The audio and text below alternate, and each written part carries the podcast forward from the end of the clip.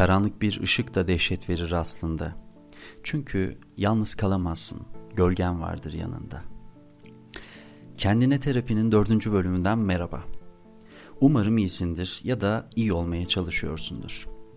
Her zaman olduğu gibi bu bölümde de senin kendini fark edebilmen ve şimdikinden daha iyi olman için konuşacağım. Hep duydun depresyon kelimesini. O kadar anlattılar ve o kadar yaşadılar ki artık sen de depresyonun ne olduğunu, nasıl geliştiğini ve onu yaşarken insanların neler hissettiğini bir dakika depresyona girmemiş biri, depresyonda olan bir insanın neler yaşadığını, neler hissettiğini bilebilir mi? Bilseydi yalnızlığa mahkum eder miydi karşısındakini?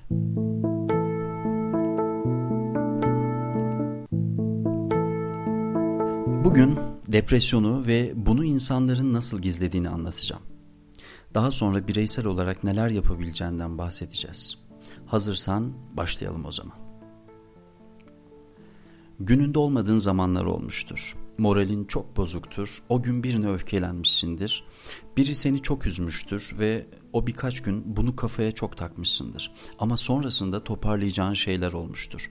Mesela bir arkadaş aramıştır ve modun değişmiştir hemen. Güzel bir haber almışsındır ve dün geceki tatsız şeyi unutuvermişsindir.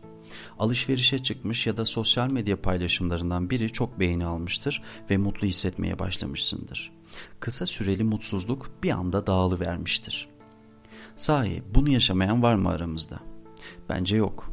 Ama maalesef çoğu insan kısa süreli mutsuzluk halini depresyonla açıklıyor.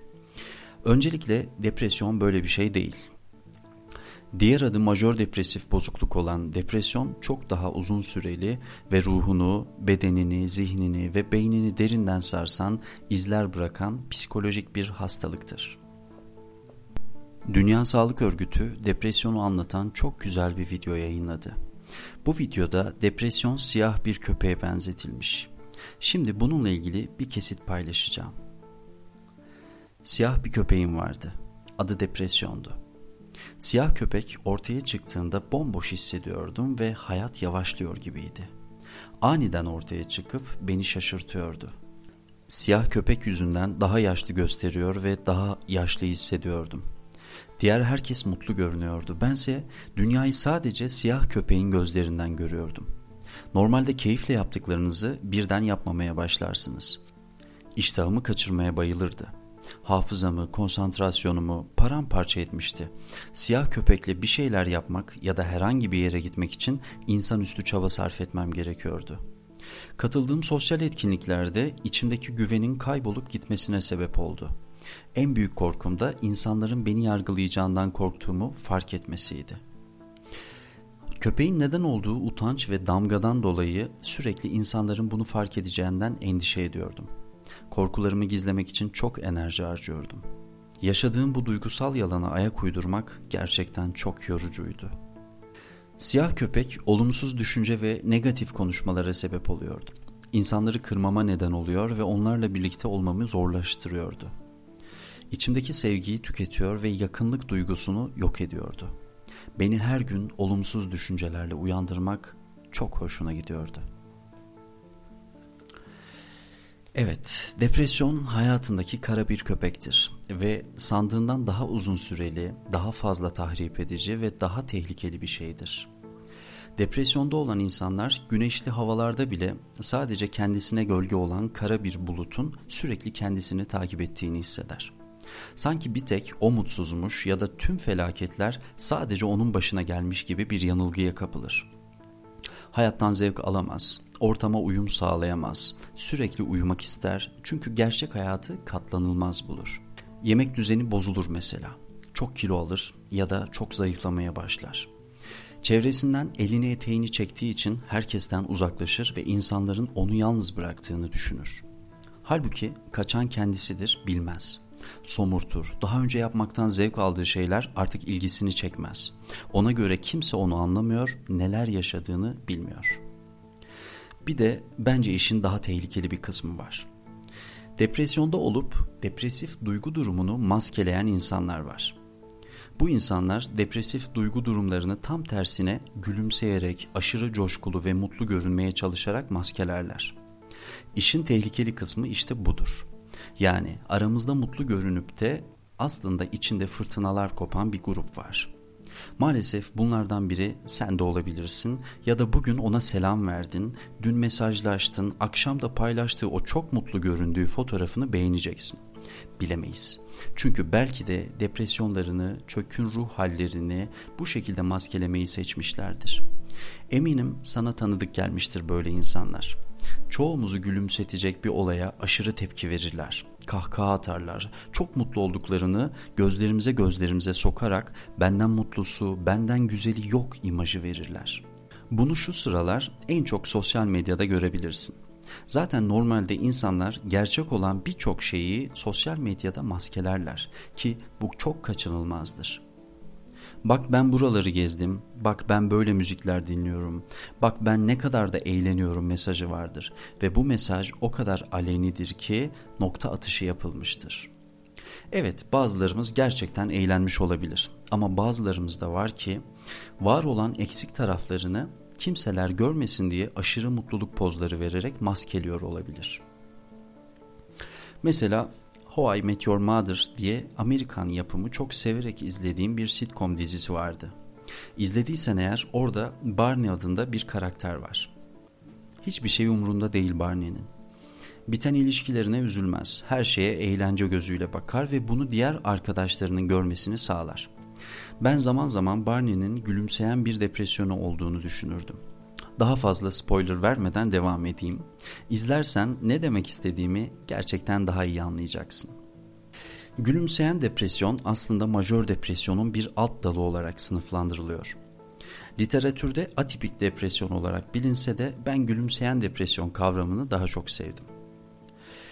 Bu insanlar içten içe acı çekerler ve bazıları bunun depresyon olduğunu bile fark etmez.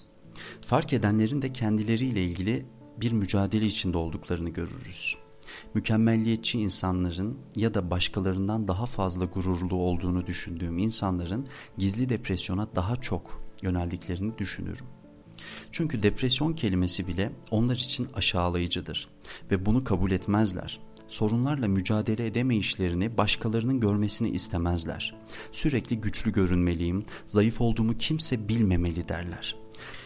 Çünkü özellikle mükemmelliyetçi insanlar kontrol delisidirler ve bunu da zamanla kontrol edebileceklerini düşünürler. Depresyonda olanlar artık bir şeylerin geri getirilemez ve telafi edilemez olduğunu düşünürler. Yani her şeyin bittiğini düşünürler. Sanki onlar için iş işten geçmiştir. Bir de şöyle bir sebep de olabilir. Duygularını ifade edemediğin bir çevrede, bir kültürde büyümüşsündür. Bu da senin depresyonunu gizlemene sebep olmuş olabilir. Ya da damgalanmaktan korktuğun için bunu kendi yöntemlerinle içinde çözmeye çalışmışsındır. Ama başta da ifade ettiğim gibi depresyon içinden kolaylıkla çıkabileceğin bir şey değildir. Genelde bu kişilerde normal depresyondaki belirtiler görülmez. Yani onların suratlarını asık göremezsin. Çökkün bir ruh halleri yoktur. Etrafa negatif enerji vermezler ve kimse onların depresyonda olduğunu bilmez. Ama asıl yakınmaları bedensel olur sevgili dostum. Sen de biliyorsun ki ifade edemediklerin boğazında ukde bırakır. İşte bu insanlarda da gizledikleri, baskıladıkları birçok şeyi beden ifade etmeye başlar. Kronik yorgunluk en çok görülen semptomlardandır. Nedenini anlamadıkları baş, kol veya bel ağrıları çekerler. Uyku problemleri yaşarlar ve madde kullanımı, alkol gibi bedenlerine zarar verecek birçok belirti görülür. Düşünsene ağır kaldırmadığın ya da incitmediğin halde belin ağrımaya başlıyor. Doktora gidiyorsun, tüm tetkikler yapılıyor ve hiçbir şey bulamıyorlar. En sonunda sana bunun psikolojik olabileceğini söylüyorlar. İşte o zaman asıl meseleyi anlıyorsun sevgili dostum. Peki sence bu neden oluyor? Yani beden nasıl oluyor da böyle tepkiler vermeye başlıyor? Bunun cevabı depresyonlarını maskeleyen insanların kullandıkları savunma mekanizmalarında yatar. Bu insanlar yaşadıkları problemi inkar, yatsıma veya bastırma yoluna giderler. İyi olmadıkları halde bunu kabul etmeyip tam tersi davranmaya çalışırlar. Negatif düşünce ve inançlarının sorumluluğunu almazlar ve kendilerini üzen, mutsuz eden sorunlardan kaçma yoluna giderler. Ve ifade edemedikleri, kaçtıkları ne varsa beden bunu ifade etmeye çalışır. Mutsuzum demek yerine kolum ağrıyor, anlatamadığım şeyler var demek yerine belim ağrıyor derler. İşte problemleri bu şekilde kamufle ederler. Evet, depresyonun bize gülümsediğini fark ettik ya da biz gülümsettik bunu. Peki çözüm için neler yapılabilir? Önce bunun bir depresyon olabileceğinden şüphelenmeli ve uzman birinden yardım almalısın. Diyelim ki tanı kondu ama profesyonel destek alamadın. Böyle bir imkanın yok. Bu noktada yaşadığın her şeyi kabul etmelisin.